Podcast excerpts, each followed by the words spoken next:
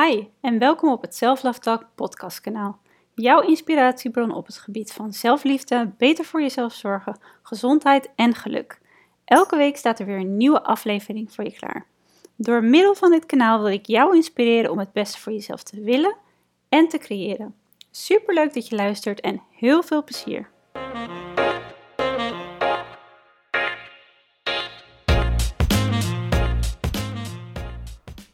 Vandaag heb ik Willemijn en Martine te gast in deze Self Love Talk podcast. Ook wel bekend als Wil en Tien. Je zou deze vriendinnen, die samen trouwens een eigen bedrijf hebben, dus ook collega's zijn, onder andere kunnen kennen van YouTube of Instagram, waar zij beide op actief zijn. In deze Self Talk belicht ik samen met hun een andere kant van zelfliefde, namelijk moederschap en zelfliefde. Want hoe vergeet je jezelf niet terwijl je ook voor anderen moet zorgen? Heeft moederschap hun blik op zelfliefde veranderd? En welk waardevol advies geeft zij zichzelf als moeder, maar zeker ook gewoon als vrouw, waardoor ze meer een prioriteit van zichzelf kunnen maken? Daarnaast vind ik het onwijs inspirerend dat Wil en Tien in deze podcast vertellen waarom zij het juist zo belangrijk vinden om een realistisch beeld neer te zetten van het moederschap. Dat het prachtig is en ontzettend liefdevol is, maar dat het soms ook gewoon zwaar is en dat we hier gewoon eerlijk over kunnen zijn. Juist om elkaar te kunnen steunen en ook om beter voor jezelf te kunnen zorgen. Want misschien, juist als moeder zijnde, is dit wel extra belangrijk. Dit en nog veel meer over het moederschap, zelfliefde, doen waar je gelukkig van wordt en waarom sharing absoluut caring is, hoor je in deze zelflaftak. Heel veel luisterplezier.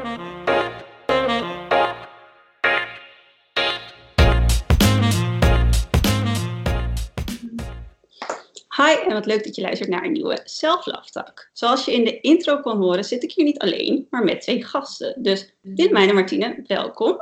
Dankjewel.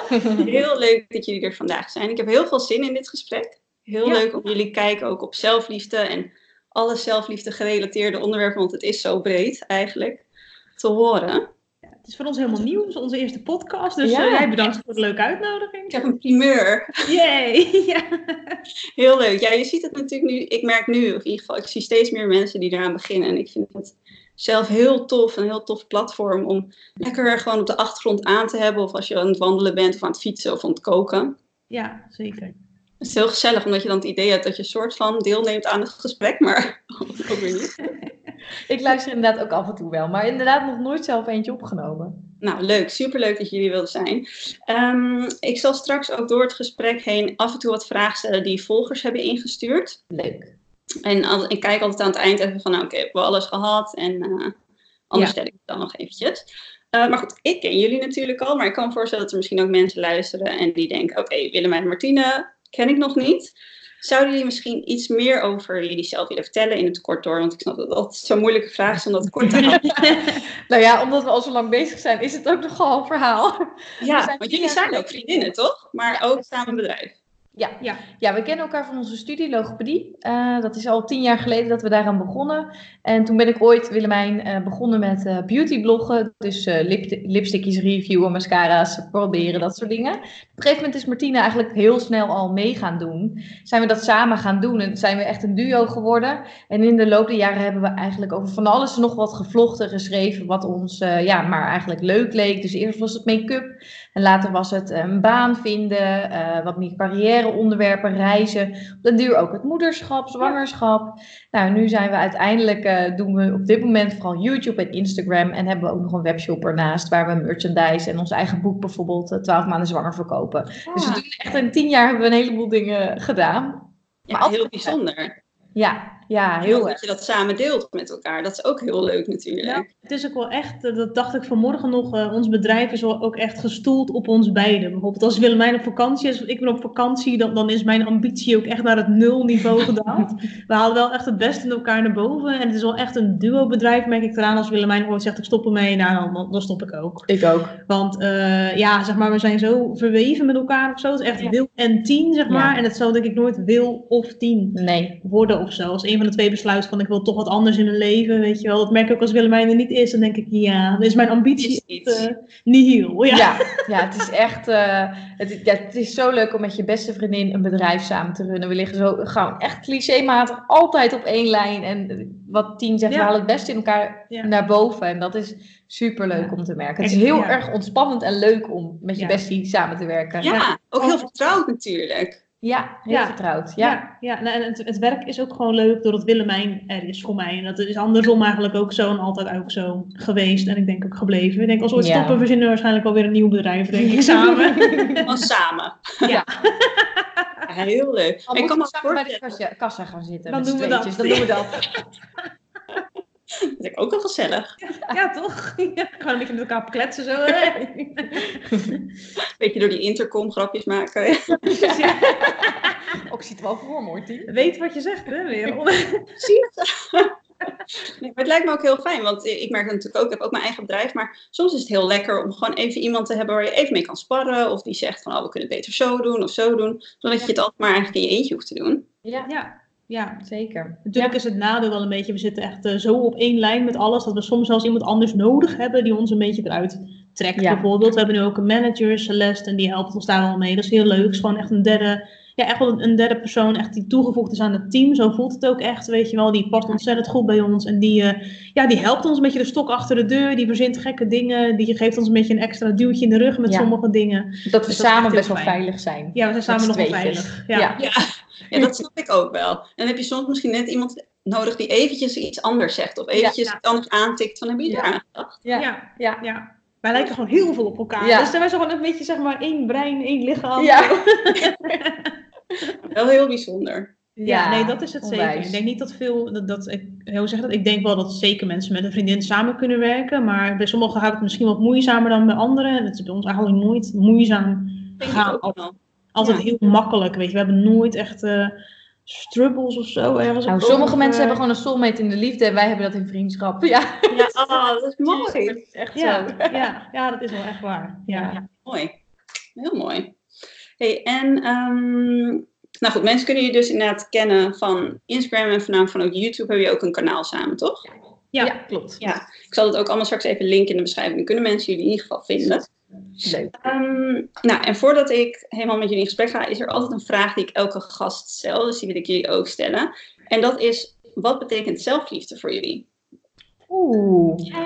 Oh, en in een podcast moet je natuurlijk gelijk met een antwoord komen. Oh! Fout, Dat is een prestatiedruk van. Zelfliefde. zelfliefde. Nou, laatst hadden we het er nog samen over. ehm, eh, dat was een quote. Ehm, die ging over dat eh, zelfzorg of zelfliefde niet alleen maar chocoladecake en bubbelbad is. Maar dat het ook vooral een leven creëren is waarvan je niet op regelmatige basis hoeft te ontsnappen. Dus op vakantie moet of Ja. eh, weer vrij moet nemen. En dat is denk ik wel iets wat wij samen eh, heel erg proberen te creëren in ons werk, maar ook privéleven. Dat ehm, zelfliefde is ook juist de minder leuke dingen aanpakken. Dus kijken naar jezelf. eh, waar is ruimte voor verbetering? Waar loop ik mee rond en hoe los ik dat eigenlijk op? Eh, in plaats van het wegdrukken. Ehm, Ja. ja, dus dat, dat is wat het eerste wat eigenlijk in mij een beetje opkomt. Ja. Nou, dat eh, zou ik eigenlijk mezelf denk ik ook wel echt bij, bij aansluiten. Ik denk ook gewoon dat persoonlijke ontwikkeling heel erg centraal zou moeten staan, in hand in hand met zelfliefde. Ik denk dat je eigenlijk gewoon niet zonder kan, hè, of je nou echt naar een coach gaat of niet. Je hebt allemaal wel lessen die je moet leren in je, in je leven. En ik denk op zich dat echt persoonlijke ontwikkeling echt een heel groot goed is binnen je eh, manier van zelfliefde. Toen ik bijvoorbeeld eh, echt merkte dat ik hulp nodig had, was ik echt niet lief voor mezelf. Daarvoor was ik echt heel hard voor mezelf. En pas toen ik echt aan, het sla- echt aan de slag ging, wat Willemijn zegt, echt, echt in de spiegel ging kijken en eh Ja. ging confronteren en bepaalde gebieden echt eh, nou, best wel gewoon intensieve therapie op kreeg. Pas toen is er voor mij echt een soort switch omgegaan en ben ik veel liever voor mezelf geworden. Maar dat kostte ook wel tijd. Ik denk dat dat er ook wel iets is wat ik denk toe wil voegen. Zelfliefde kost ook echt tijd. En het, is, het verschilt echt per levensfase, denk ik. En met, met je eigen mindset en hoe je in het leven staat. Weet je, en nu ik moeder ben, heb ik juist meer van natuurlijk, eh, onze tijd wordt best wel opgeslokt. Maar ik waardeer veel meer de kleine gelukjes en de kleine momenten voor, eh, nou ja, voordat ik überhaupt moeder was, bijvoorbeeld. Dus zelfliefde ja, verandert ook weer. Het evolueert een beetje. Ja. En dat is wel mooi wat dat je dat zegt, want dat is ook dat een, toevallig een vraag van een van de volgers die zei van, um, is jullie blik op zelfliefde ook door het moederschap veranderd? Ja, ja. wel denk ik. Ja, wel in die zin dat ik, ehm, als ik nu een momentje voor mezelf wil, uh, dan moet het veel meer gepland worden. Want eerder kon je gewoon uh, gaan en staan waar je wilde voor de kinderen. Uh, en nu moet het veel meer gepland worden. Dat maakt dat ik het ook veel meer waardeerde. Vroeger, voordat ik kinderen had, als ik dan een vrije dag had, dan kon ik heel snel ja, in de mode schieten van Netflix aanzetten en de hele dag op de bank doorbrengen. En dat was dan een momentje voor mezelf. En uh, nou, dat was heel lekker. Maar omdat er geen druk was van kinderen of verder een heel druk leven of zo, ja, kon ik dat ook heel vaak doen. En haalde ik daar helemaal niet zo heel veel uitstiekem. Nu, en nu kan ik echt helemaal kapot genieten gewoon van een uurtje stil in de zon zitten en dan geen geluid om me heen. Dus het is wel dat ik het echt ontzettend ben gaan waarderen en dat ik ook wel uh, heb gemerkt van ja, geluk moet je echt uh, willen zien en, en ook een beetje voor jezelf creëren. Uh, mm-hmm. Anders dan, dan, het komt niet vanzelf. Nee, nee precies. Nee, ik sluit me daar helemaal bij aan. Je moet inderdaad, en wat jij net ook zei, vind ik heel mooi. Um, van zelfliefde is niet een soort korte oplossing. Het kan soms juist heel lang duren. En het kan ook juist eigenlijk de pijnlijke weg zijn die je kiest. Ja. ja. Maar uiteindelijk wel het voor jezelf doet met het idee van oké, ik doe nu iets waar ik uiteindelijk profijt van heb of waar ik gelukkiger van word. En ja. ja, dat is inderdaad wat jij zegt, je ziet heel veel meer, vind ik nu. Dat komt natuurlijk ook heel erg uit vanuit Amerika over. Waar je die soort van commerciële kijken op zelfliefde. Van eet chocoladetaart of ga in een bubbelbad. En dan zit het dan... producten heerlijk, lekker verwennen. En tuurlijk, dat is wel een onderdeeltje van. Maar als dat, dat het enige is waar je het uit moet halen, dan ga je uiteindelijk...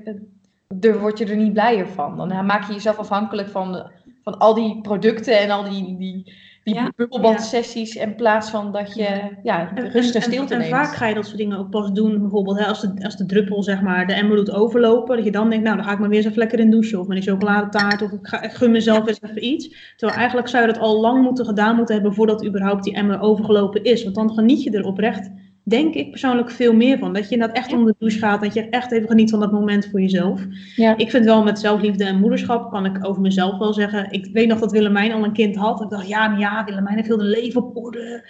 En als je moeder bent, moet je echt, dan kan niet meer op de bank in slaap vallen. Tien tot drie uur s'nachts, weet je wel. Ik heb wel door het moederschap, zeg maar, uh, moet ik ook, word ik ook een beetje gedwongen door mijn zoontje Mike om echt beter voor mezelf ook bijvoorbeeld te zorgen.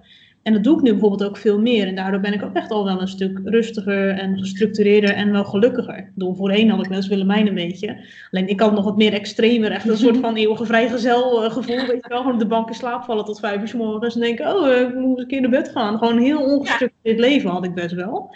En nu heb ik best wel veel structuur in mijn leven. Het doet voor mij in ieder geval heel veel goed. Ook uh, op het gebied van zelfliefde. Ik gun mezelf ook veel meer bijvoorbeeld daardoor ook wel heel mooi, want ook wel misschien een inzicht van, weet je, als ik, als ik niet goed voor mezelf zorg, dan heeft uiteindelijk hebben mijn kinderen daar helemaal niks aan. Nee, precies. Je moet zeg maar, je moet echt goed voor jezelf zorgen en je komt zelf nog steeds, ik vind het zo'n dooddoener als ze zeggen, als je kinderen hebt van, uh, ja, dan kom je echt op de tweede plek. Dan denk ik echt, Oh nee, zet jezelf ook op de eerste plek. Weet je, natuurlijk, het is wel eens moeilijk, maar je moet echt zorgen dat je elke dag een moment voor jezelf gewoon echt neemt en iets doet waar jij echt happy van wordt. Wat jij hebt bijvoorbeeld hè, Netflix op de bank waar je er nu wel voldoening uit haalt, dat je denkt even stil in de zon zitten.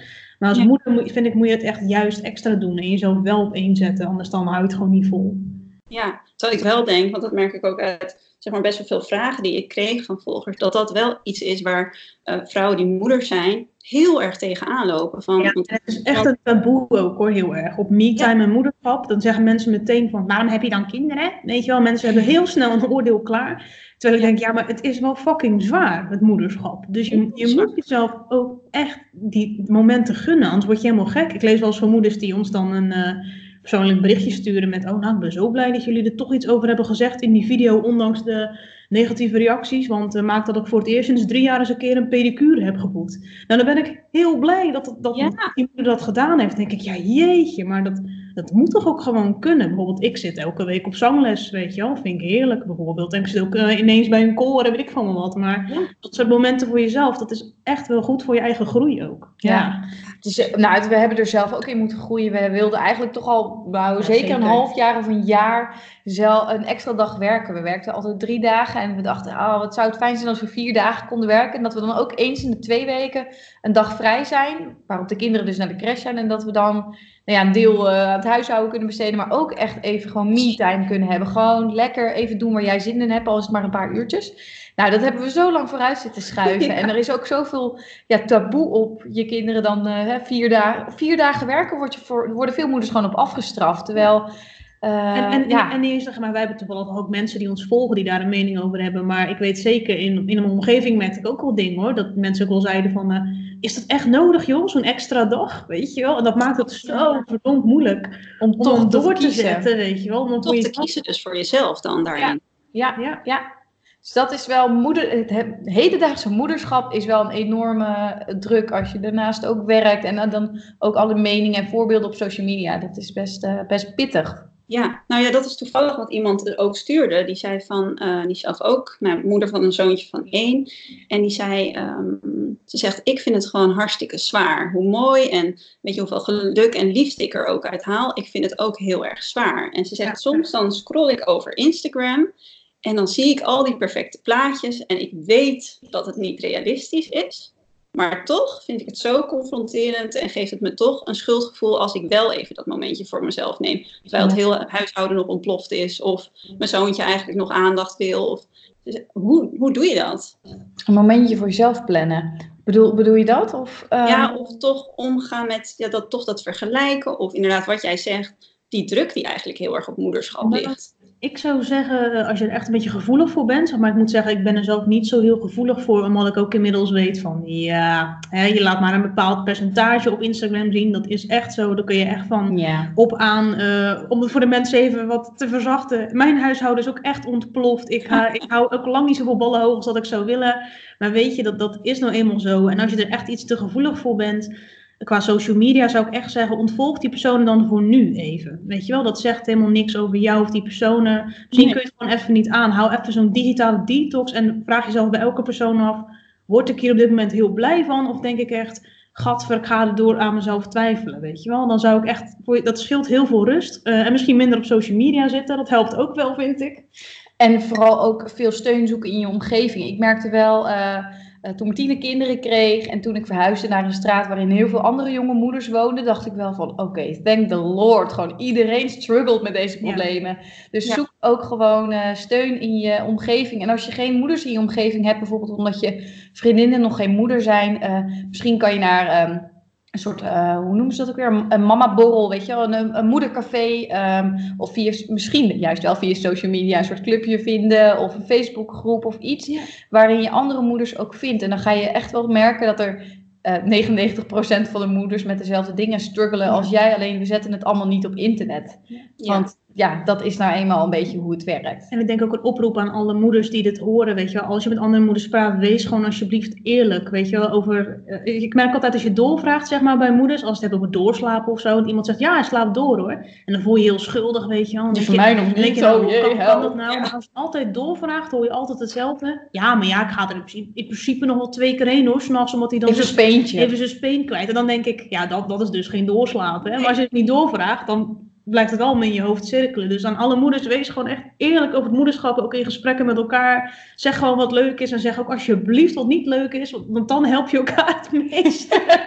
ja, je helpt elkaar dan echt. Ja, ja, ja. Mm-hmm. ja het is echt heel belangrijk dat we niet uh, de standaard zo hoog maken voor elkaar. Dat, dat we allemaal het gevoel hebben dat we er niet aan kunnen voldoen. Terwijl we stiekem allemaal helemaal niet eraan voldoen. Het is, het is, je bent heel snel geneigd om te denken: oh, maar zij doet het allemaal perfect. Zij heeft het echt allemaal een baan en een uh, eigen bedrijf en het huishouden stipt op en die kinderen.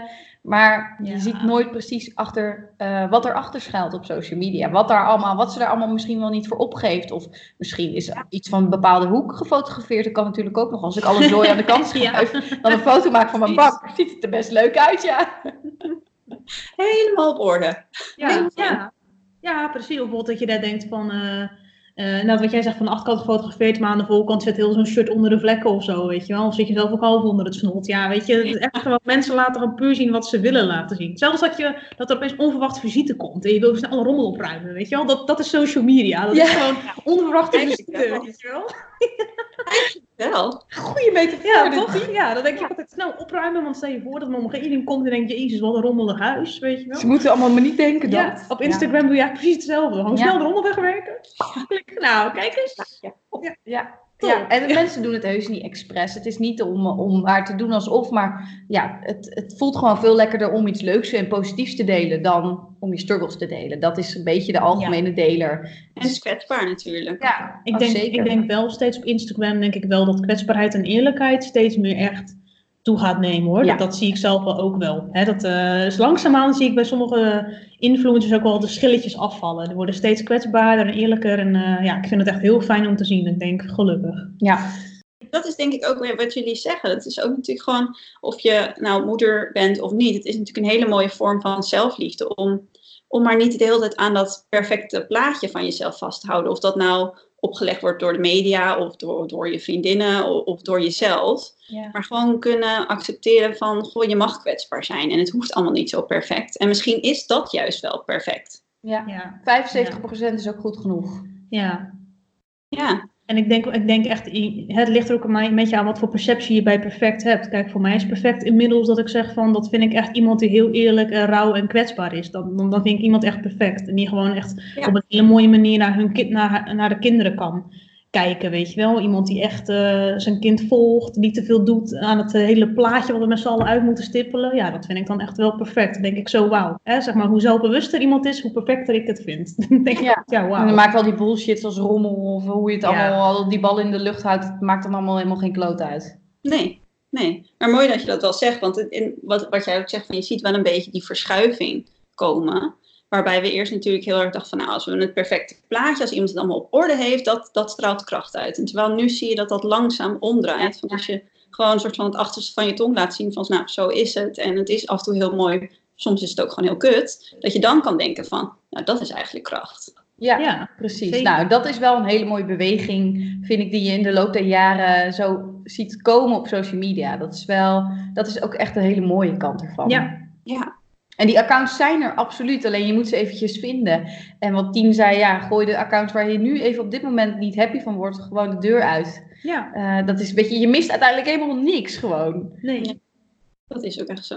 Want als ik jullie zeg maar zie op, op Instagram en op YouTube, is het volgens mij, in ieder geval denk ik dan, want jullie zijn heel eerlijk en heel openhartig. En wat ik net zeg, van soms is het gewoon heel mooi en gezellig en leuk en dan laten jullie dat zien. Maar soms is het ook gewoon moeilijk en is het even een drempel waar je overheen moet. En dat laten jullie ook zien. Is dat ook wel daar een hele bewuste keuze, dat jullie op die manier, zeg maar, ehm, nou, in jullie bedrijf of op social media willen, willen staan? Ja, heel erg. En ik denk Ja. dat wij sowieso van nature ook heel erg zo, zo zijn, zeg maar. Altijd al we zijn toch altijd een beetje, ja, gewoon, we, we staan wel met beide benen op de grond, altijd wel nuchter en een beetje bescheiden gebleven en eh, ook een beetje gek, weet je wel. Maar ja, zoals we zijn, dat krijgen we het heel vaak te horen in het echt ook, van oh, jullie zijn net zoals in je video's. En dan denk ik, ja, dat is wel een mooi compliment. Maar ergens vind ik het ook wel, wel eens een beetje gek als mensen dat zeggen, maar ik dan denk, hè, er zijn andere mensen in de media dan niet zo. Dat kan ik me ook niet echt Nee. voorstellen of Nee. zo. Maar wij hebben het zeg maar niet eens per se echt bewust voor gekozen. Weet je wel, we, zijn gewoon. Open, heel erg Ja. open en eerlijk. Ja. Ja. en voor ons voelt dat niet anders om dat naar onze online vriendinnen zeg maar te doen, onze volgers, dan, dan dat we dat in het dagelijks leven doen. Sterker nog, ik vind het zelfs makkelijker om online kwetsbaar te zijn dan echt in mijn privéleven. Dat, eh, ik schrijf makkelijker dan dat ik praat. Dus een mooi Instagram postje over nou, bijvoorbeeld moederliefde of een ander kwetsbaar thema vind ik soms makkelijker om te schrijven dan dat ik het moet gaan vertellen aan iemand Ja. face-to-face. Dus ja, voor ons is het eigenlijk heel erg natuurlijk om dat te doen. En in de loop der jaren is het wel een soort van kracht van ons geworden. Nadat we hoorden van volgers dat ze dat echt zagen en waardeerden, dachten we wel van oké, eh, nou het wordt heel erg gewaardeerd. Dan- is dat zeker niet iets wat we zouden schrappen. Want ook wij hebben wel eens onzekerheden gehad. Ehm, ten aanzien van zijn wij wel. Ehm, of we het wel, ja, hoe moet je dat uitleggen? Ehm, het is soms best wel moeilijk om authentiek te blijven in een, in een wereldje, in een mediawereldje. Als je daar al tien jaar in zit en iedereen eh, is altijd heel erg bezig met het perfecte plaatje en meer volgers en Ja. meer en meer en meer. groeien. Dan is Ja. het soms best wel lastig om dan bij jezelf te blijven en echt bij je authentieke persoonlijkheid te blijven. Want laten we zeggen, het- scoort niet. Als we even Nee. zeg maar, heel commercieel zeggen, het Ja. scoort gewoon niet. Want andere mensen die echt het perfecte plaatje hebben, het perfecte lijf. Jet weet set je wel, eh, lifestyle, ja. Lifestyle, ja, die krijgen heel veel volgers. En dat is eigenlijk toch wel jammer dat zeg maar, eh, ja, de mensen die wat meer gewoon down to earth zijn en wat meer misschien Next door. Ja, next door, zeg maar. Die dan toch gewoon hè, minder mensen om zich heen hebben. Maar het verschil is wel, we hebben wel echt hele trouwe, hele trouwe volgers. En dat is Ja. ook zeker wel wat waard. En eigenlijk het laatste jaar zijn we steeds minder bezig met hoe we kunnen groeien of zo. We hebben nu gewoon zoiets van, weet je, we hebben een trouwe schare. Ja, topfans. topfans die ons al jaren volgen. Ja. Alles steunen. Ik heb zoiets van, ja, wat, wat wil je, weet je wel? Ja. Wil je heel veel volgers die jou puur even voor het plaatje volgen? Of wil ik echt hele diepgaande, bewuste mensen die mij volgen? Nou Ja, ja, dus het dat laatste is laatste. wel het antwoord. Ja, Ja, want dan als ik dan denk inderdaad van, want ik zie dat natuurlijk inderdaad ook op social media wat scoort. En nou ja, het is maar net of je daar dan eigenlijk als je een bedrijf hebt in online aanwezig zijn, of je daarin mee wil gaan. Mhm. Maar als ik kijk naar jullie, dan denk ik als je kijkt naar connectie hebben met mensen die je volgt, dat je daarin veel hoger scoort dan Ja, enkel om het perfecte plaatje gaat. ja, Ja, misschien Ja. wel. Ja. ja. Want is dat ook ehm, dat jullie merkten van nou, we willen meer die kwetsbare kant ook laten zien van hoe het ook is. Dat je merkt dat mensen daar heel erg op reageren en ook dat daar een heel erg verbinding voelen met jullie. Ik denk dat het wel. ehm, we waren al zeg maar vrij kwetsbaar en taboe doorbrekend op onze blog To Women destijds. En ik denk omdat we toen gestopt zijn met bloggen, dat dat wel verschoven is sowieso naar Instagram. Maar we moeten ergens die kwetsbaarheid nu, eh, nu ergens anders kwijt. We moeten onze behoeften ergens drukken. eh, dat komt nu meer op Instagram. Maar ik merk wel dat mensen dat wel heel erg waarderen. Ik heb ook wel eens gehoord met meet and greets, vond ik zo lief. Dat toen zei iemand van, eh, ja, bij jullie eh, kijk ik niet alleen naar het plaatje, maar lees ik ook echt de tekst, omdat ik weet dat het inspirerend is en dat ik er ook echt wat aan heb. Dat raakte me wel heel erg. Toen dacht Ja. ik, oké, dat vond ik wel zo ontzettend lief. En ik heb ook wel eens een keer een eh, tekstje gedeeld met geef het maar op. En die, heeft, die is echt meer dan 300 keer opgeslagen, zag ik bijvoorbeeld. Denk, ja, wauw, dat vind ik dan wel van die mooie, ja, mooie dingen of zo. Weet je Ja. wel? Dat waardeer ik echt heel erg. Ja. Ja. Mooi. Nou, en ook wel dat ik daarin denk van, als we het hebben over zelfliefde, is dat misschien ook bijna een connectie als wat jij net zei van online vriendinnen die je hebt. Dat je daarin ook heel erg laat zien van wa- wat zelfliefde eigenlijk voor jou is op verschillende Ja. vlakken. En Ja. dat ook kan delen. Ja, we hebben heel vaak zeiden mensen wel van, oh je hebt best, best wel een voorbeeldfunctie. En dat vonden we soms best wel lastig. En ik vind ook nog steeds dat we niet altijd een voorbeeldfunctie hebben. Ik ben- ben bijvoorbeeld geen voorbeeldmoeder of eh, eh, wat dan ook. Maar eh, we hopen wel een soort van voorbeeld te zijn voor mensen. Van, nou ja, voorbeeld, inspiratie te zijn voor mensen over zelfliefde.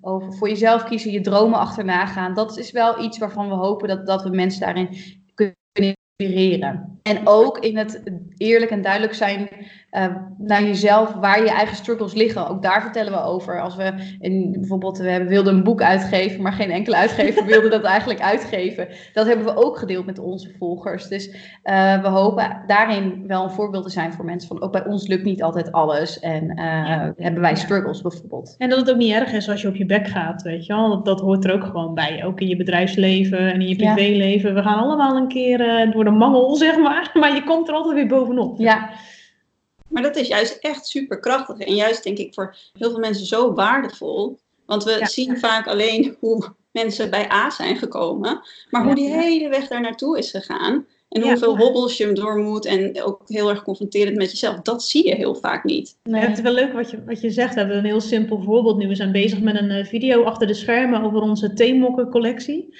En ehm, dat, dat ging ook echt. Er zitten zoveel hobbels in, die, in dit hele project. En dat willen we eigenlijk juist eens laten zien van hoe gaat dat dan eigenlijk? Weet je wel? Ja. Dat, het is echt alle kanten opgeschoten. En, en er zitten altijd, we hebben er zoveel van geleerd. En de afgelopen jaren zijn we steeds meer gaan durven en steeds meer dingen gaan ondernemen. En als je allemaal van die nieuwe projecten verzint en dingen wilt, dan denk je pas, jeetje. Er komt altijd zo'n moment dat je denkt, laat maar. ja, ik heb er geen zin meer in, zeg maar. En een moment dat je uiteindelijk denkt, oh gelukkig gaat er weer een bepaalde kant op. Weet je wel, ik had niet verwacht dat we het nog zouden gaan doen, maar het... eh, Het lijkt te lukken. ja, en dat ja. zijn we nu voor het eerst zeg maar, echt achter de schermen aan het opnemen hoe dat helemaal Ja. eh, is gegaan, zeg maar. Dus dan kunnen mensen ook zien dat inderdaad niet alles zonder slag of stoot gaat en waarom je bepaalde keuzes maakt en waarom juist niet. Ja. Ja. En ik, ja, ik vind dat persoonlijk dus heel motiverend juist om te zien. Ja. Je, omdat je, eh, soms wil je iets, inderdaad, zoveel mensen hebben heel veel doelen. Maar al bij de eerste hobbel denken ze, oh oké, nou dit kan ik dus niet en laat Dit maar. wordt er niet weg. Nee. Ja, Precies. Ja. Terwijl als je dan van anderen ziet dat die wel honderd keer diezelfde hobbel overheen zijn gegaan. Ja. Dan kan je toch denken van, oké, nou, misschien moet ik niet zo snel opgeven. Vertrouwen houden in mezelf. Ja, Ja. Ja, Dus is- het is vooral heel veel context wat je nodig hebt, gewoon bij alles wat je ziet. Je hebt, ehm, ik zat, als je er bijvoorbeeld ziet, eh, een ondernemer die heeft iets heel moeilijks bereikt en die zegt, nou het was een hele weg, maar eh, het is me eindelijk gelukt. dan kan je daar misschien een één of twee dingetjes bij voorstellen. Maar er zit eigenlijk zoveel meer achter en dat zie je vaak niet. Terwijl als je de hele context zou weten, dan, dan zou je veel meer. ehm, ja, dan, dan zou het veel duidelijker zijn wat, wat het iets bijvoorbeeld kost om iets te behalen. Maar we hebben zo'n verknipt beeld bijna bij het woord succes. Ja. Eh, het zijn allemaal van die quotes van als het niet vanzelf gaat, dan, eh, hoe, hè, dan, dan is het niet de juiste weg voor jou. En, eh, Ja. Al dat soort dingen. Terwijl ja, successen behalen of ergens komen, dat kost ook gewoon heel veel shit en moeite. Ja. En eh, het is echt een trap naar het succes. Weet je, de ene keer blijf je wat langer op een tree hangen en dan ga je weer een paar omhoog en dan moet je weer even uitpuffen. Het is niet een, een of andere makkelijke lift die je kan nemen. Dus zeg maar eigenlijk, wie je ook ziet, zeg maar, die je bewondert, echt bedenk je echt honderd keer hoeveel slagen en stoten eraan vooraf zijn gegaan. Ja. Niemand komt zomaar opeens, tada, ergens, weet je wel. Kijk, als je uit, eh, uit Maxima haar baarmoeder komt, dan ben je zeg maar, dan ben je gelijk zeg maar omgedoopt tot koningin, weet je wel. Nou ja, misschien wil ze dat wel misschien helemaal niet. Dan ben je ook een lul. Misschien heeft Amalia daar wel helemaal geen zin in, maar hè, om het maar even, even gek te schetsen, al- alle mensen waarvan je denkt, zo hallo, weet je wel, die hebben wel echt een enorme weg afgelegd. En het is gewoon wel hard werken. Ja, of waarvan je denkt van nou, die hebben echt geluk. Ja, dat is Ja, nou, dat niet komt alleen echt geluk. aanwaaien hoor. Nee. Het is echt, tu- tuurlijk, je kunt een goed idee hebben en je kunt deels geluk hebben, misschien financieel. Hè. Sommige mensen hebben misschien wel rijke ouders of, of mensen in de familie die je een, een stukje op weg kunnen helpen. Maar dan nog, je, je moet er wel hard aan trekken als je een eigen bedrijf Ja. hebt. Je moet Ja. altijd innoveren, altijd bezig zijn met de toekomst deels, weet je wel. Tegelijkertijd doen wat je leuk vindt. Heb je er nog plezier in? Er komt heel erg veel bij kijken. Ja. Ja, wel mooi dat jullie dat laten zien. En, want ik heb natuurlijk laatst ook meegedaan met jullie Instagram cursus. Ja. Ja, superleuk. Ga je dit nog een keer doen trouwens, denk je? Of... Nou, Nou, misschien nog ja. één. We moeten zeggen, we hadden zelf niet echt. eh, het was ook een beetje natuurlijk voor ons proberen vanuit de kant hebben. Of zeg maar, we hebben alle twee de therapeutische vaardigheden ook wel. Ja. Ik heb ook nog een jaar psychosynthese gedaan. Het was heel veel gestoeld Ja. op dingen die ik daar geleerd heb ook. We vonden het wel heel leuk, maar we vonden het minder voldoening schenken dan dat wij eigenlijk Van eh, tevoren, van hadden tevoren gedacht. hadden gedacht. Ja. In het begin vond ik het echt superleuk. Achteraf denk ik, ik vond het ook best wel zwaar. Zeg Ja. Ik heb eh, best wel veel. Ik heb soms echt tot half één s'nachts met mensen zitten DM'en nog in die cursus. En dacht ik, wow, er komen nu al heel veel dingen los. En wij hadden voor ons gevoel echt. eh, ja, maar 10% echt gegeven van alle kennis die we in ons hebben, weet je wel. En dan, dat, Ja. dat was voor sommige mensen echt al een hele hoge eh, drempel. Toen dacht Ja. ik, oh wow, hè, we zijn eh, best wel flink doorgestoomd in die cursus. Ook op dag 4 hebben we best wel een pittige dag opgenomen over de dualiteit van falen. En het was voor veel mensen, het was volgens mij een pittige Ja. cursus voor veel mensen. Misschien is het niet helemaal het format. Ik denk dat we nog één keertje gaan proberen gaan doen voor de mensen die er nu niet bij konden zijn. Want Ja. er waren een aantal mensen die zeiden, oh, het komt nu net niet goed uit. Dus ik denk dat we nog één cyclus doen. En dan gaan we misschien kijken hoe we de inhoud in een ander jasje kunnen eh, vormgeven. Dat, Ja. het, dat het net wat beter eh, Iets wat wij eh, bij ons past. Ja, precies. Het op zich, eh, het is echt, echt, ja, dat is ook dat je denkt met een Instagram cursus, hè, dat is natuurlijk nu helemaal eh, het ding, heel veel Ja. eh, mensen doen het. Maar ook daarvan denk je, oh ja, heb je toch zo gedaan, maar daar komt ook echt schrikbarend veel tijd bij Nee, nee, nee, nee, dat was echt heel veel werk. Dat wil je ja. niet weten, zeg maar. En Op een gegeven moment dachten wij ook zo'n project. Ik, ik zei midden in de week toen ook van, nou, ik heb ja, ik heb er geen zin meer in, weet je wel. Ik trek het niet meer. Maar ik vond het ook wel heel mooi. Ik vond het wel heel mooi eh, om te zien wat voor transformaties sommige mensen hebben gemaakt. Dat had ik echt niet verwacht. Maar dat mensen zeggen van nou op dag vijf eh, had ik bedacht dat ik dan, en dan dat doel gehaald zou hebben. En dat sommige mensen op dag één eigenlijk al klaar waren voor hun gevoel. Ja, toen dacht ik nou Wil, we hebben het wel goed. Kijk, we wisten wel dat het een goede cursus was. Ja. Dat, zeg maar, som- sommige dingen heb je echt een rotsvast vertrouwen. Want toen we, toen we alles aan het opzetten waren, toen zei ik ook, oh, wauw, nou ik denk wel dat het echt wel van een grote waarde voor mensen kan zijn, een aantal dingen. Ja. En dat is ook wel gebleken. Ik heb ook al een aantal mensen ook doorgestuurd nog, naar, eh, naar de huisarts bijvoorbeeld, hè, die echt wel verder meer hulp nodig hadden. En daar ben ik ontzettend trots op, want ik weet hoe moeilijk het is om de stap naar echt hulp te zoeken, hè, echte coaching, echte therapie. Er ligt zo'n drempel en dat sommige mensen die stap gewoon gezet hebben door die cursus. Ja, dat, dat is natuurlijk echt wel, Dat is dat geweldig. ja, is voor ons geslaagd, zeg maar. Ja. ja. ja. Ja, De dat inhoud was mooi. De vorm was misschien net wat, Ja, voor ons niet perfect. Nee. Dus wij zoeken gewoon nog even verder naar de volgende vorm. Ja, dat vind ik zelf ook heel mooi dat jullie dat ook heel erg delen. Van, ehm, weet je, het is niet erg om hulp te vragen. En juist doordat wij dat ooit gedaan hebben in het verleden, hebben we daar zoveel handvaten en inzichten die ons zo geholpen heeft. Want is het ook ehm, een heel bewust traject dat jullie voor jezelf qua zelfontwikkeling, dus ook heel erg op het gebied van zelfliefde, heel erg bewust bij jullie zelf stil zijn gaan staan van oké, hier loop ik tegenaan bij mezelf, hier wil ik echt aan werken en hoe ga ik dit doen? Ja. Ja. Ja, we hebben ehm, sowieso altijd al wel dat we allebei heel veel interesse hadden in persoonlijke ontwikkeling. Op een gegeven moment kom je bepaalde dingen in je leven tegen en daarvan weet je op een gegeven moment, oké, dit kan ik niet meer alleen of dit kan ik niet meer met, met de ander hè, dus zo bespreken dat, dat ik er verder mee kom. En dan weet je, oké, nu is er echt werk aan de winkel en ehm, dan moet je aan de bel trekken. En eh, toevallig hebben we echt allebei aan elkaar toen ook heel veel gehad dat we elkaar het setje hebben gegeven en gezegd: joh, uh, volgens mij gaat het zo niet verder. Ga, ik, ga, ga hulp zoeken, ga wat doen.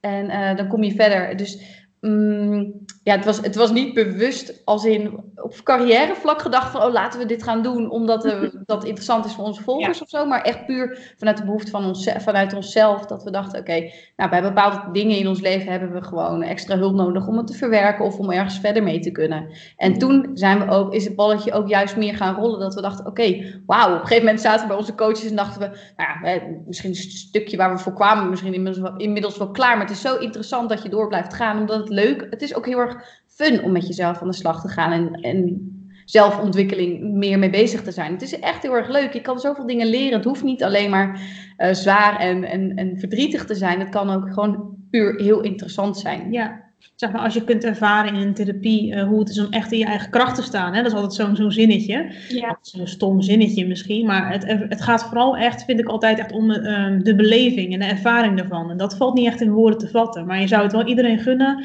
om eens Ja. te voelen met een bepaalde oefening die je kunt doen, hoe het echt is om te ervaren dat echt alle antwoorden op al je levensvraagstukken echt in jezelf zitten. Ja. Dat je er eigenlijk helemaal niet zo, eh, dat je er best makkelijk bij kunt komen. Dat het niet eens Ja. echt zo moeilijk is. Maar weet je, gun jezelf dan echt een, een fijne coach of een fijne therapeut die met jou daarnaar hè, kan kijken, zou ik zeggen. Dat is echt zo'n, eh, het is echt levensverrijkend. Ja. En voor sommige mensen was de cursus dat eigenlijk ook al. Kun je nagaan. Hè? Ja. Dat heb ik nog niet eens echt therapie gehad of zo. Het is gewoon puur een cursus. Hè, gebaseerd op onze ervaringen en onze informatie en natuurlijk ook onze therapeutische vaardigheden vanuit het verleden.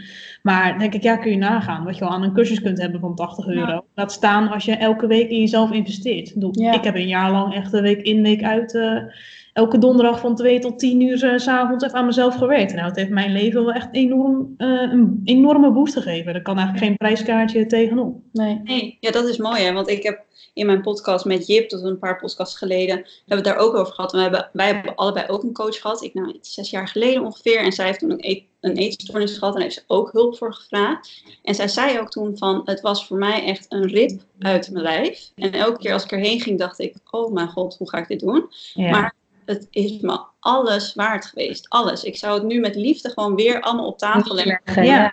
Ja, omdat het, wat jij ook zegt, het is zo'n mooie investering eigenlijk in jezelf.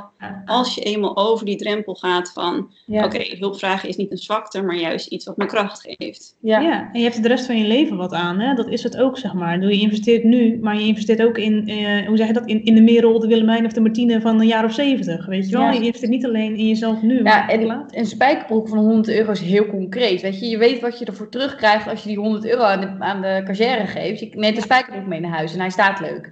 Maar eh, een consult van 100 euro per keer, eh, dan denk je echt van zo slikken, wat krijg ik ervoor terug? Waarschijnlijk een hele bak ellende over me heen, eh, zit ik ermee. Ja, Maar uiteindelijk gaat het je natuurlijk veel meer brengen dan die ene spijkerbroek.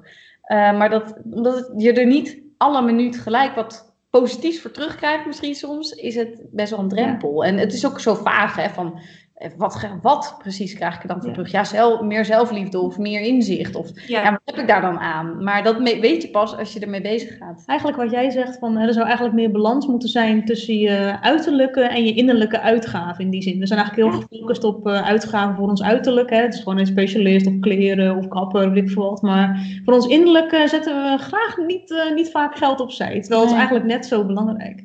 ja, en misschien nog wel belangrijk, want ik las Ja. toevallig laatst een onderzoek met, ehm, vond ik heel interessant, met hoe eigenlijk, hoeveel invloed je hebt op je eigen geluk.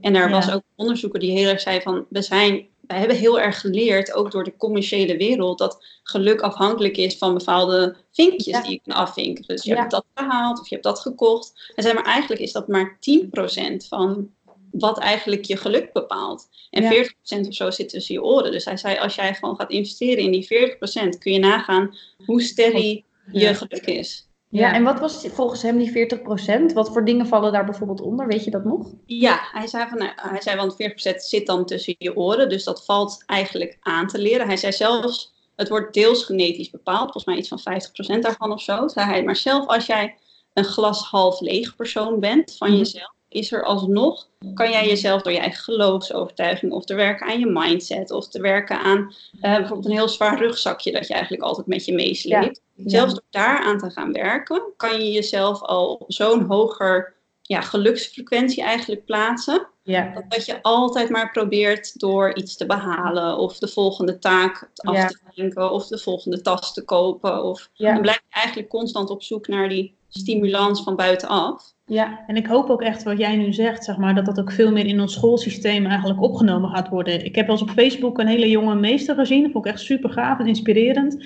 Die gaf lessen in geluk ook. En Ja. ja. die had een soort downloadable gemaakt inderdaad voor allerlei leraren op, de, op het onderwijs. En dat, dat ging echt Ja. over jonge kinderen, weet je, over wat, wat voor cijfer geef je je leven vandaag. En ik, dit is echt zo cruciaal en zo belangrijk. En ik vind het zo jammer dat het nog niet in ons schoolsysteem zit verweven. Weet je? Het gaat ook allemaal over de praktische dingen. En dat is natuurlijk goed, hartstikke goed. Maar er moet veel meer ook aan het mentale stukje gedaan worden. En Zeker voor de jonge generatie onder ons, waarbij hem, de media een veel grotere rol nog speelt. Ja. Hè? Dus, en die zijn kwetsbaarder. Laat alsjeblieft dat soort dingen als lessen van geluk of filosofie over het leven. Of, ja, jonge kinderen zijn zo wijs. En er wordt eigenlijk op dat vlak zo weinig mee gedaan. En dan hoop ik echt, als mijn zoon, eh, tegen de tijd dat mijn zoon naar school gaat, hoop ik echt dat daar veel meer over eh, op school Ja. ook gepraat wordt. Ja. Ja, mijn moeder leerde me vroeger al mediteren, alleen was dat toen nog helemaal niet zo'n hot topic. Maar Ja. als ik niet kon slapen s'avonds, dan eh masseerde ze me eerst. En daarna deed ze dan bepaalde oefeningen met me, waarbij ik mijn handen dan op mijn hart en mijn buik moest leggen.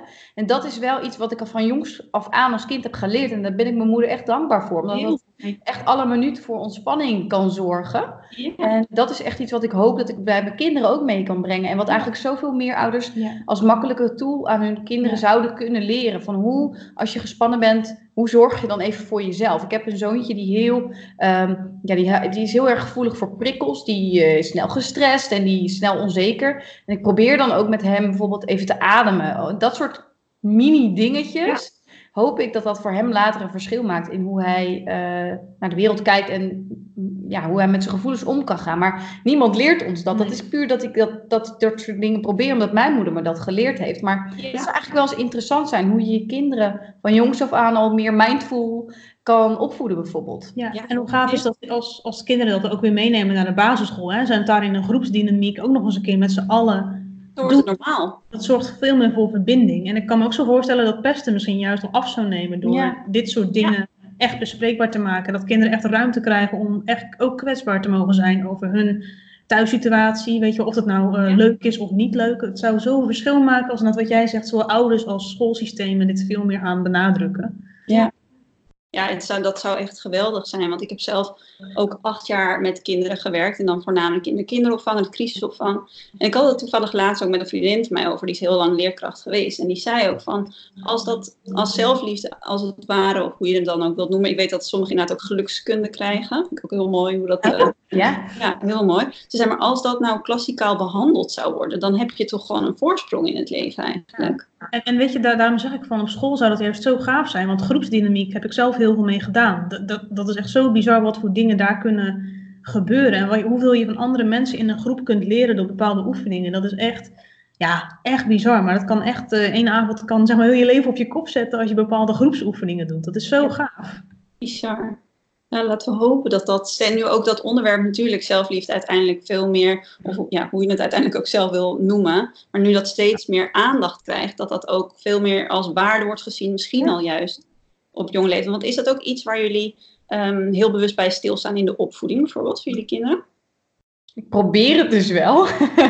Ehm, maar het is wel moeilijk, vind ik, om dat in alle dagen, eh, of op alledaagse basis toe te passen. Ik probeer het wel eh, vaak met naar bed gaan, even echt een momentje te nemen. Of dus als een van de twee gestrest is, merk ik bijvoorbeeld wel, ehm mijn zoontje van 3,5, als hij geprikkeld is, helpt het gewoon heel vaak om hem even bij me op schoot te nemen en echt letterlijk hem gewoon vast te houden. Ja. Eh, Maar dat zijn wel dingetjes, je moet er wel op komen. En, dat, en ik zie bijvoorbeeld wel aan heel veel verschillende mensen die ik inmiddels ontmoet heb. Vriendinnen, andere ouders, uh, mijn, mijn, eigen man. Nou, alle mensen die kinderen hebben in mijn omgeving. Je, soms zie je van buitenaf veel makkelijker de momenten waarop je kan inspringen om, om zoiets te doen. Ja. Dan wanneer je er zelf in zit. Dus het is zo makkelijk gezegd, maar zo moeilijk gedaan. Dat ik wel eens denk van, oh, ik zou er zelf ook wel meer over willen leren over dit onderwerp. Maar hoe kan je je kinderen nou... Onze maatschappij is zo gericht op wat ze allemaal moeten afstrepen. Want de peuterspeelzaal krijgen ze hun eerste toets al in rekenen. En in taal, dat ik echt dacht van, hoezo, weet je? Uh, ga, ga kijken naar hoe gelukkig is dit kind en wat voor behoeften heeft hij. In plaats van, uh, wat kan hij allemaal? Maar de maatschappij is er ook nog steeds niet zo op ingericht, waardoor het denk ik best wel lastig is uh, om als ouder hier heel erg ja, mee bezig te zijn. Want je weet niet zo goed waar je moet beginnen als je niet echt een goed voorbeeld hebt hierin. Nee, nee, absoluut. En ik denk ook, weet je, met zelfliefde alleen al als we naar onszelf kijken, dan weten we soms echt niet waar we moeten beginnen of wat, waar we zelf behoefte aan hebben. Dan is het soms ook heel lastig om te bedenken van, goh, hoe werkt dat bij kinderen en waar hebben ze behoefte aan? Ja, en we weten het, weet je, we kunnen het vaak wel vertellen. Kinderen hebben vooral behoefte aan, aan tijd met hun ouders, echt contact. Je moet echt met ze spelen en nou, al dat soort dingen. Je, je, moet naar ze luisteren als ze iets zeggen. Wat zit er voor boodschap achter? Nou, we kennen het allemaal wel. Je, ik kreeg laatst nog uh, een uh, metafoor van iemand voorgeschoteld van sommige kinderen kunnen helemaal flippen om een gebroken koekje. Maar dan gaat het niet om het gebroken koekje van die peuter. Maar eigenlijk omdat de dag misschien al te stressvol was. Maar weet je, dat kunnen we allemaal maar wel weten. Maar het is soms zo moeilijk moeilijk om, om toe te passen. En probeer ook maar eens je eigen tax uh, laag te houden, zeg maar. Soms aan het eind van de dag heb je zelf ook wel eens een beetje dat je over ja. Bij mij gaat het soms ook van hot naar her. Soms probeer ik, ik probeer nu vooral nog zelf heel bewust te zijn, bijvoorbeeld. Als mijn zoontje veel huilt of zo, dan kan hij ook zitten dreinen aan het eind van de dag. Zullen vast moeders wel herkennen die dit horen. Dan, uh, dan probeer ik bijvoorbeeld als hij heel erg gaat zitten dreinen wel te zeggen, bijvoorbeeld, ligt dus echt aan uh, in wat voor mindset ik zelf ben. En probeer ik echt te denken, oké, okay, tien, als jij maar rustig door blijft ademen en je niet op laat jagen. En dan zeg ik wel van, nou lieverd, hè, ik hoor je en ik zie je. Probeer ik dan te zeggen, weet je wel, en niet te veel op in te gaan. En er zijn dagen dat ik zeg maar ook heel veel gek word en zeg, nou, weet je wel, zeg maar, je bent zelf... Kun je nou even ophouden? Kun je alsjeblieft even ophouden? Maar ja, je bent zelf ook niet altijd... Uh, en dat is ook gewoon het leven. Ik denk dat het ook goed is om dat aan je kinderen te laten zien, weet je wel. Want het is ook heel moeilijk om continu mindful te zijn. Dat is echt geen... Dat, ja, is niet, niet dat bestaat nee. niet, weet je wel. Nee. Dat kan niet. Ik probeer zelf met mijn zoontje wel ook heel erg in het nu te leven, weet je wel. En proberen, ja die ballen hoog houden, ben ik maar mee gestopt op een gegeven moment. En dat, uh, nu denk ik wel eens, ja, laat maar. Dus ik maar kijk altijd waar hij ook zin in heeft, weet je wel. En ik volg hem gewoon heel erg en wat hij doet. En dan denk ja. ik, uh, nou oké, okay, dan ga ik meedoen, dan ga ik dat doen. Soms bied ik wel eens zelf wat aan, maar dan kijk ik vooral wat hij uh, nou ja, doet en waar hij zin in heeft, bijvoorbeeld. Ook. Ja. ja. En wat ik wilde zeggen is, uh, wat Willemijn al zei, er is niet zo per se heel veel info over. Maar je hebt wel vreugdevol ouderschap, heeft Willemijn wel eens gevonden op Instagram. Is echt een hele leuke vrouw. En uh, zij doet ook aan podcast trouwens. En zij geeft hele leuke, um, interessante cursussen volgens mij. Hè? En avonden inderdaad over leuke thema's. Hoe je mindfulness met kinderen om kan gaan. Dus daar wilden wij nog wel een keertje heen. Ja. ja. Ook heel waardevol denk ik. Niet alleen voor jezelf, maar inderdaad misschien ook gewoon voor, de, voor je kind zelf. Maar ook de Ja. connectie die je hebt samen. Ja. Opa's en oma's ook hoor ik al, zeg maar, gewoon voor iedereen die met kinderen omgaat. Ik denk dat het ook heel waardevol is als je bijvoorbeeld met kinderen werkt. Denk ik ook dat het echt heel uh, mooie toegevoegde waarde kan hebben. Ja, mooi. Goed, leuk om eventjes dat inderdaad nog over, als tip te geven, denk ik ook aan de mensen die luisteren. Want ik denk dat heel Ja. veel moeders daar misschien wel naar op zoek zijn van, goh, heel leuk natuurlijk dat zelfliefde en dat mindfulness, maar hoe doe je dat nou in de opvoeding?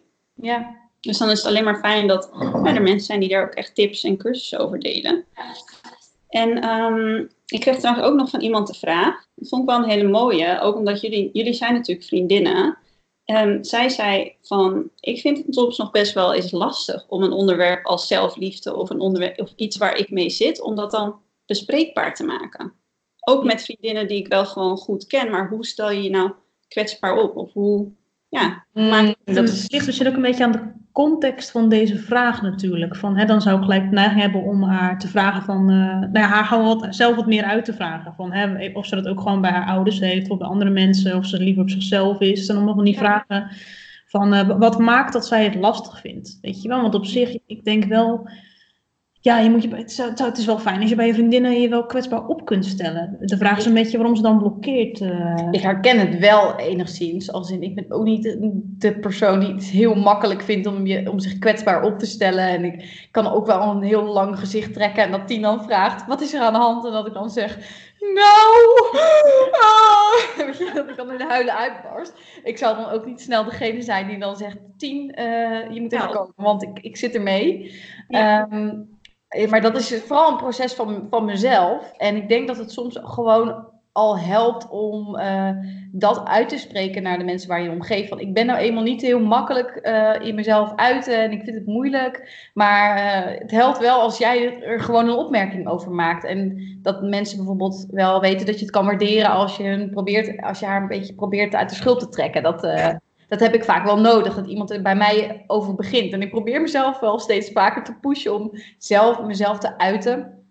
Is ook een onderdeel geweest waar ik met mijn coach mee aan de slag ben geweest. Dus daar heb ik ook veel over geleerd. Um, maar, wat uh, zij dan, weet je nog wat zij jou geleerd heeft, specifiek over dat deel? Over het leren uiten? Nou ja, ten eerste natuurlijk de bewustwording dat ik die kant aan mezelf had. Nou, wist ik dat natuurlijk al wel heel erg. Uh, en dan vooral um, dan ook de rampscenario's erbij bedenken. Wat er dan zo erg is aan jezelf kwetsbaar opstellen. Nou, dat is natuurlijk, puntje bij paaltje, is dat bij mensen waar je van houdt helemaal niet gevaarlijk of, of, of eh, is moeilijk om, of nou wel moeilijk om te doen, maar het is niet gevaarlijk om te doen. Er kan niks engs gebeuren, behalve dan dat het probleem natuurlijk op een gegeven moment een beetje echt begint te worden. Dat ja. uh, vind ik dan nog wel eens lastig. Als ja. je het uit hebt gesproken, dan kan je ook niet meer terug. Dan is het gezegd en dan is het verder. Dan moet je er wat mee.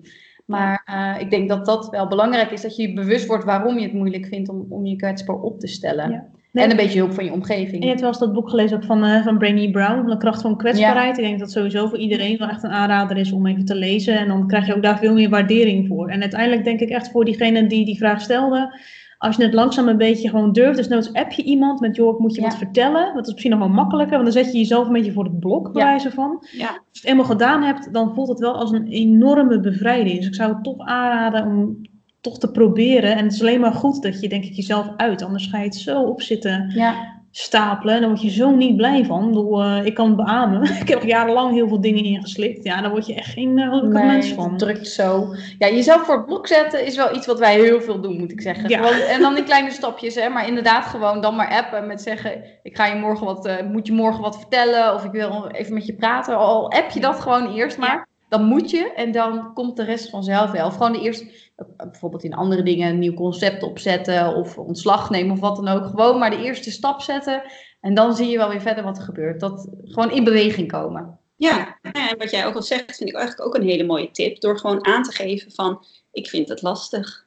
Ja. Want dan weten mensen ook van, oké, zij vindt het lastig. Dus dan, als je van iemand houdt, dan denk ik dat je juist denkt van, oké, nou, zij vindt het moeilijk om over de gevoelens te praten, maar ik zie dat er iets is laat ik dan de eerste stap voor haar zetten. Ja, precies. Als ja. het niet vertelt dat je daarmee struggelt of dat je het lastig vindt, ja. dan zal de ander misschien ook denken van, nou, ik weet niet of ze erover wil hebben. Of, uh, nee. Dan worden ze voorzichtig, terughoudend, wordt het een taboe. Ja, Beter maar gewoon af en toe gezegd hebben dat je er niet heel goed in bent, dan kunnen ze je helpen. Ja, mooi. ja kun je het samen doen. Ja. Mooi.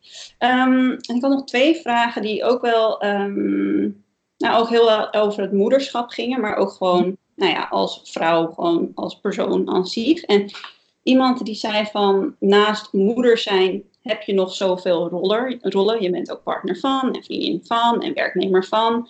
Hoe zorg je nou dat je ruimte voor jezelf maakt? Inplannen. Ja. ja. Ja, echt. Ik zou zeggen, plan het echt gewoon in. Want op het moment dat je die agenda gewoon leeg laat, dan vult het zich allemaal op met al die verschillende delen en rollen en de hele lange to-do-lijsten die je van uh, de drammer in jezelf altijd moet doen. Weet je wel, die blijft ook eindeloos, want je hebt elke dag wel weer een nieuw lijstje. Dus uh, ja, plan het echt gewoon in. Ja. Plan me-time in met een vriendin, met jezelf en hou jezelf er ook aan. En, en ik zou zeggen, leg ook niet gelijk een ijs met. Heel veel mensen denken, nee. ja, ik moet tijd voor mezelf maken. Maar ik denk dat je dat moeten ook gewoon door mogen moet, uh, kan veranderen. Weet je wel, dan, ik mag tijd voor mezelf maken. En zeg dat gewoon, dus noods elke dag tegen jezelf in de spiegel.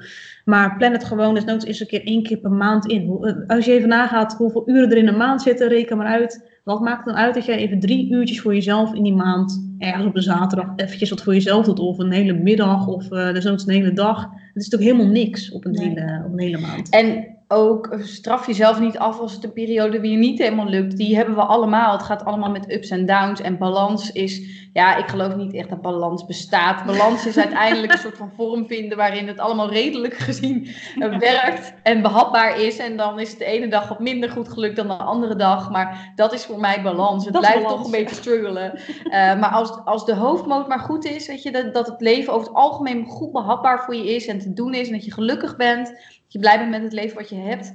Dan is het prima als de ene week het makkelijker gaat om even tijd voor jezelf te maken. Dan dat het de andere week niet lukt. En wat trouwens ook zo is, dat is ook echt zo'n, denk een beetje zo'n vrouwending, heb ik al het gevoel. Vraag om hulp. Ja. Wij, wij, zijn er zelf ook echt niet goed in, maar echt, eh, weet Ja. je, ehm, stel je voor dat je bijvoorbeeld je schoonmoeder of je moeder dan vraagt om op te passen voor jou of zo. eh, of, of je man, ook al heeft hij het druk gehad, of eh, gewoon hey, je vrouw, het is maar net of je partner je hebt. Maar vraag diegene gewoon om extra op te passen. En ga er maar van uit dat als zij geen zin hebben, dat ze echt wel nee zeggen. Maar dat iedereen je echt wel heel dat graag... voor die schoonmoeder en die schoonmoeder. Ja, de moeder natuurlijk. Niet voor die man, die mag geen nee zeggen. ja, natuurlijk. Nee, maar ga er maar gewoon van uit, weet je, dat, dat mensen hun eigen grenzen wel aangeven en vraag het maar. Ik vind het soms ook heel moeilijk. En, ik heb, Ja. en, en soms, wat Willemijn net had over gevoelens met zeg maar dat je het lastig vindt, dat doe ik dus met hulp vragen. Dan zeg ik van tevoren tegen mijn schoonmoeder bijvoorbeeld, joh, eh, hè, luister, ik vind het zo vervelend om je weer te vragen, maar als je het niet wil, zeg je toch echt heel- wel nee, hè, hoop ik. En wat ze dan altijd zegt is tien. Als ik daar geen zin in heb, zou ik echt wel nee zeggen. Maar ik doe het met liefde en ik vind het hartstikke leuk. En eh, ga jij lekker, lekker je ding doen. Weet je wel? Dan denk ik altijd, ja, zie je wel. Zeg het er maar gewoon bij dat je het moeilijk vindt om te vragen. En dat, dat is kwetsbaar opstellen. Weet je, het is eigenlijk niet zo heel moeilijk. Nee. Je moet het gewoon zeggen. Gewoon zeggen dat je, zeggen dat je het moeilijk vindt om te vragen. En dan win je al wijze van heel veel empathie van iemand anders. En doen ze het echt juist heel graag Ja. voor je. En hebben ze ook de vrijheid om nee te zeggen als ze het echt Ja. niet zouden willen. Ja, Ja, dat doen ze dan wel. En dan voelt de druk misschien voor jou ook wat lager om het te vragen. Als je al aangeeft van als je het niet wil, zeg het alsjeblieft. Hè? Dan zoek ik iemand anders of zo. Ja. Gewoon dat. Maar echt gewoon me-time is gewoon inplannen en gewoon een beetje hulp. Want we hadden we het toevallig nog vanmorgen over. Eh, het is best wel eenzaam, zeg maar, het moederschap. Vroeger zaten we met z'n allen een beetje bij elkaar hè, in de huizen. En dan was het gezellig en leuk. Maar je moet het nu toch best wel in je eentje rooien, zeg Ja. maar. Je bent er best wel afhankelijk van de opvang, inderdaad. Van een eh, eventuele partnerdag, zeg maar. Een oma of opa oppasdag. Dus je bent heel erg afhankelijk van anderen. Ja, ja, dus regel het. Probeer Ja, het te regelen. Ja, en vraag hulp. Ja. Ja. Ja, want het mooie is ook wel, ik, ik sprak hier laatst iemand anders over. En die zei ook van ja, het is een beetje vrouw-eigen dat we altijd maar willen zorgen voor. En dat gaat altijd voor onszelf. Maar Ja. soms realiseren we helemaal niet dat we heel veel mensen hebben die van, van ons houden. En die met net zoveel liefde dus voor ons zorgen. ja. Dus Ja. zolang je dat niet uitspreekt, dan geef je mensen eigenlijk ook helemaal niet de kans. Nee. En dat Nee. vond ik op zich wel, als je het daarover hebt, ook wel een mooie oefening. Bijvoorbeeld in onze cursus die we gaven. Dan zeiden we van, eh, noem eens alle mensen op eh, van wie je houdt, zeiden we dan. Ja.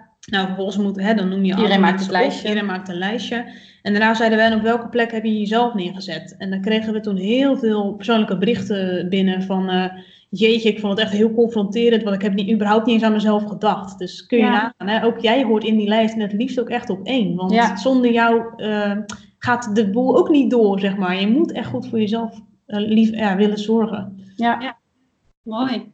Ja, mooi. Ik gaf, toevallig gaf zij dus ook, die vrouw die ik sprak, die gaf ook als tip van ja, ik plan soms gewoon tijd voor mezelf in en dan nodig ik mijn partner uit. Niet zozeer dat hij mee kan doen, maar dat hij weet dat me-time in de agenda staat. En dan kan hij het overnemen, dan weet hij dat. Dat Ja. best slim. Ja, ja precies. Ja, nou ja, heb je wel gelijk de rollen verdeeld. Hè? Dat je van, nou ja, eh, Ja. zo wil ik het gaan doen. Ja, je moet echt, ehm, eh, zeg maar, juist omdat vrouwen zo snel denken over het algemene zorgtaak, wat jij ook al zei, eh, op zich nemen. Ja. Echt oppassen dat je dat niet te erg doet hoor. Ik zei tegen Willemijn ook. Wij hebben ook bijvoorbeeld al heel snel dat we denken, wij doen het wel of de crash of oma. Maar wij denken bijvoorbeeld niet zo vaak aan onze partners. Terwijl het eigenlijk best wel raar is. Ik bedoel, het, is ook gewoon, het zijn ook hun kinderen, weet je wel. Ja. Dus ik denk wel eens van, ja, stel je voor dat ik nu weer een tweede krijg. Dan ben ik natuurlijk weer even uit de running. Dan denk ik, ja, eh, dat, dan zou ik ook heel snel geneigd zijn om te zeggen van... eh, Eh, nou, dan wacht ik wel tot de crash over een half jaar op mijn kind op kan vangen. ja. Terwijl ik kan denken, ja, ik kan natuurlijk ook gewoon zeggen van, nou ja, mijn partner vangt ook nog even één of twee dagen het kind op, zodat ik ook kan werken, weet je wel. Ja, je moet heel erg voor jezelf opkomen, want voor je Ja. het weet, laat je jezelf helemaal meeslepen en dan is alle tijd opgeslokt aan je gezin en je huishouden. Ja. Maar ja, dan blijf je echt helemaal nergens zelf. Ook echt zelfliefde, denk ik. Ja, Ja, ja. zeker. Ja. ja. Maar En dat vind wel zelf zijn. Nou, dat hè? Ja, dat heb je soms gewoon een beetje nodig. Een stok achter de deur. Weet je, ik verdien het, ja, maar doe het dan ook. Ja. Ja. Ja, Ja. Ja, want dat is heel grappig. Want is, je hoort hier heel veel zeggen, en wat ook heel erg waar is, van zelfliefde is vooral heel lief voor jezelf zijn. Maar soms is het ook even iets doen waarvan je denkt, nou, dat vind ik eigenlijk moeilijk, maar het Mhm. helpt je wel verder. ja. En wat betreft dat niet aan inplannen, je kan natuurlijk ook elkaar eraan houden. Hè? Misschien heb je wel een vriendin of iemand anders in je leven, dat je gewoon dat met elkaar afspreekt. Van joh, eigenlijk wil ik één keer per maand het hebben ingepland in mijn agenda. En dat de ander ook dan op een gegeven moment ook echt zegt, en heb je het al ingepland. Weet je wel, dat helpt enorm goed als je er mensen bij betrekt. Ja. dat is een goede tip. Ja, dat je het gewoon uitspreekt of naar je partner toe, van ik heb dit nodig, dus help mij even herinneren eraan. En dat mensen je eraan echt aan houden. Van joh, heb je al niet aan ingepland? Of eh, hè, wat denk je ervan? Dan denk je, oh ja, reminder. Ja. ja. Ja, nee, ik doe dat zelf ook met mijn vriend. Wij kunnen echt tegen elkaar zeggen, want we zijn nogal van die drammers. We gaan nogal door met alle ambities en wat we willen. Dus zeggen we echt dat ze, ga je wel stoppen? Ja, ja. Zo hè?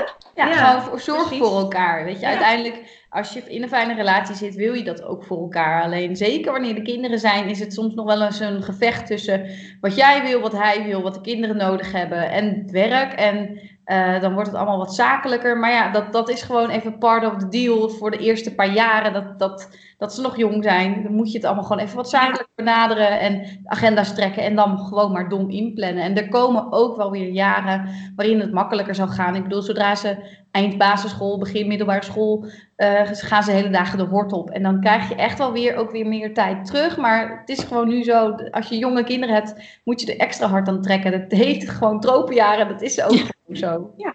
ja. Ja. Nou ja, en dicht bij jezelf, wat jullie allebei zeggen, als je dan gewoon wel dicht bij jezelf kan blijven.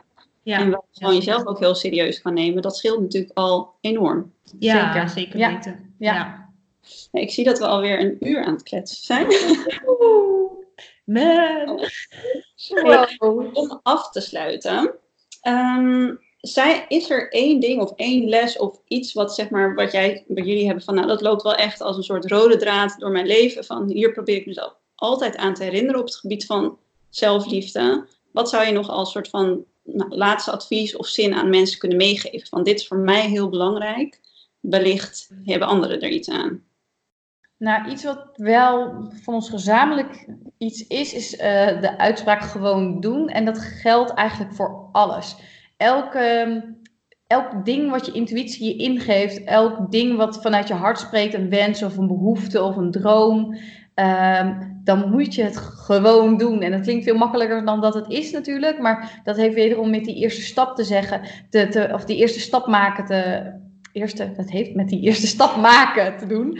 Ehm, dat je, je moet in beweging komen om dingen voor jezelf eh, te gaan regelen, om een fijner leven te creëren. Dus als jouw gevoel je ingeeft dat je meer rust moet nemen en dat je eigenlijk niet 40 uur per week wil werken, maar eh, 32 of eh, 24, zet dan de eerste stappen daar naartoe. Ga aan de slag met kijken of dat mogelijk is. Of als je een droom hebt om een eigen bedrijf op te starten, eh, registreer vast de handelsnaam eh, bij de Kamer van Koophandel en ga langzaam beginnen. Maar begin ergens. Of juist de andere kant op als je merkt, ja, de, ik heb een depressie, geloof ik, ik zit, ik zit niet goed in mijn vel, misschien heb ik wel een depressie. Eh, blijf er niet mee rondlopen, maar ga naar de huisarts. Dus bij alles wat je gevoel je ingeeft, zet het eerste stapje en eh, Ja. aan, aan de slag eigenlijk. En dat kun je eigenlijk heel makkelijk doen door eigenlijk eerst even een mindmap te maken. hè. En even te bedenken gewoon even nu van wat speelt er op dit moment het meest in mijn hoofd. Weet je wel, schrijf Ja. het van je af, schrijf het op en maak er eens een hele soort brainstorm van. Wat zou je eigenlijk het liefste willen?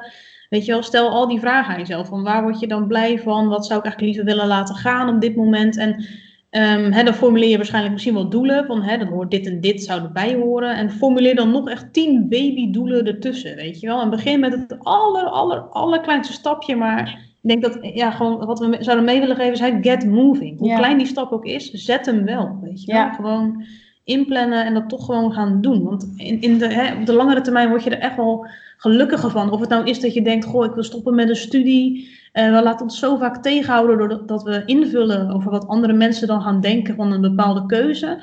Of doordat we denken dat je niet aan het plaatje voldoet. En dat is zo zonde, want dan denk ik, ja, voor wie leef je dan? Weet je wel, Ja. uiteindelijk niet voor, voor jezelf. Dus inderdaad gewoon doen, ga ermee aan de slag. En het is wel jouw leven voor de rest van je leven. Dus Ja. maak het ook van jou. Echt kiezen voor jezelf. Ja, Ja. zeker. Ja. Mooi. Nou, dan denk ik dat we hem hierbij gaan laten. Yes. Dan kunnen we zo nog lekker een uur verder eh, kletsen. Ja. Ja hoor. Gezellig maken we er gewoon voor iedereen een heel avondje Het van. moet wel een beetje behapbaar blijven. Ja. Dus dan, ehm, nou, voor degenen die luisteren, mocht je dit luisteren en je denkt, leuk, ik wil hier eigenlijk nog een berichtje over sturen. Dat kan natuurlijk altijd, vinden we alleen maar heel leuk om te horen wat je gedachten erover zijn. Dus stuur ons vooral een berichtje via Instagram, is denk ik het makkelijkste. Kan altijd. Ehm, nou, jullie heel erg bedankt dat jullie aanwezig wilden zijn vandaag. Heel bedankt voor de leuke vragen en de gezelligheid. ja, toch? Heel gezellig. Ja. Ja. Dus ehm, luisteraars, dankjewel dat je geluisterd hebt. En eh, volgende week staat er weer een nieuwe podcast online. Dus dan zie ik jullie heel graag dan weer terug. Fijne dag. Doei!